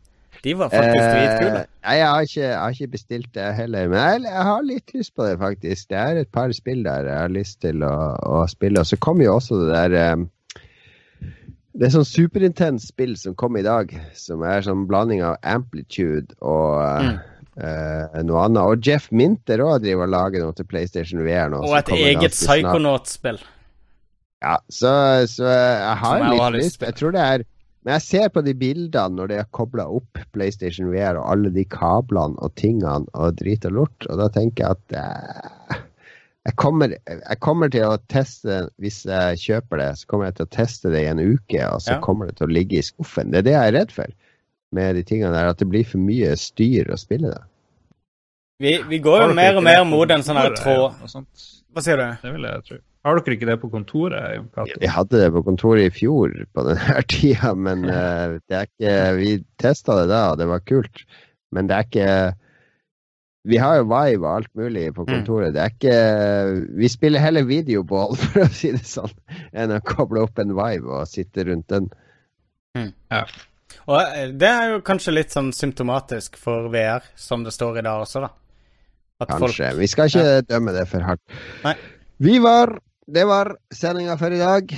Uh, ganske bra sending. Terningkast ja. uh, tre pluss. Banebrytende innen podkast. Jeg vil si, det. jeg vil si det. Jeg tror vi må finne et nytt medium å lansere denne podkasten på. Uh, så kanskje vi kan dra det opp til en tre til fire jeg tror det. jeg tror det. Går vi opp til fireren, så er det galaktisk nyvinning. Eh, takk for at dere var med i, i dag. Jeg må egentlig takke ja. meg sjøl først, for jeg var jo ikke med sist gang. Um, hva du syns, Lars? Er du klar? Hva skal vi gjøre når du er i USA, sånn podkastmessig? Nei, du må, du må, bare ta opp masse drit på en konsoll, så lag, klippet du kjapt det. Slipp dere å lage episode i neste uke. Alright, så neste uke så lager jeg en konsollspesial, og så er vi tilbake eh, som vanlig. Ja, hvis du klarer. Du bruker jo å bli altfor full til å kunne ta opp noe. Eller så nekter de som er med, å la deg sende det. Du ja, alle er sånn velvillige med og spiller inn. Eh, Nordic Game, og hun ene vi hadde med fra Nordic Game, hun, eh, hun Linn, hun var vel med i den sendinga, var ikke det? Ja, jeg tror det. Ja, det er hun som er konsollsjefen, så jeg kan jo få henne på kroken en gang til. Hun er jo ja, kjempemorsom. Litt Team Shafer, litt Hegel, litt ditt og datt, litt Owlboy. Ja, hvis, hvis, jeg ikke får med Team Shafer, så får jeg bare Hegel til å late som han er Team Shafer. Det går, det går greit. Ja, de har helt lik stemme og samme, samme aksent, så det burde gå greit. Yes. Nei, men uh, da blir det konsollspesial neste uke. Jeg angrer allerede på at jeg sa det, men vi satser på at det blir det. Uh, takk for at du hørte på i dag. Episode 132. Jesus lord. Um, har du ikke noe mer å tillegge? Vi kan følges på Facebook, Lolbua. Mm -hmm. ja. Twitter, Lolbua. LO, Lolbua. Vi er på Twitch som Lolbua. Vi må få i gang et eller annet aktivitet. Lolbua, Instagram, ja, det finner du Lolbua. Det er bare ja, og Lolbua.no er jo detaljene om musikken vi spiller. Det får vi også ja. spørsmål om. Hvis du lurer på hva den forrige sangen, som var basically bare ei tone, som ble bare spilt om og om igjen inn på, på, mange forskjellige måter, så, ja. så, får du i hvert fall vite Du finner tracklista på lolbua.no rett etter at uh, denne episoden er posta. Takk for nå. Vi snakkes, høres neste uke. Og hvis du er i konsoll og du ser meg og du liker Lolbua, eller hvis du er på konsoll i Bergen og ser meg og du liker Lolbua, så kom bort og si hei. Jeg kommer til å virke litt sånn herre uff, æsj, og må jeg snakke med en fremmed dude? Men så, altså, og da bare tar du og så slår du meg litt på skuldra, og så smiler jeg bredt. og, så, og så kommer vi over det. Eh, takk for i dag. Klovnekostyme. Kom i klovnekostyme. Ellie Kvidberg skal jo fære på sånn i klovnekostyme. Det er jo, det er jo vår gimmick i år. Takk for i dag. Takk for i dag. Ha det.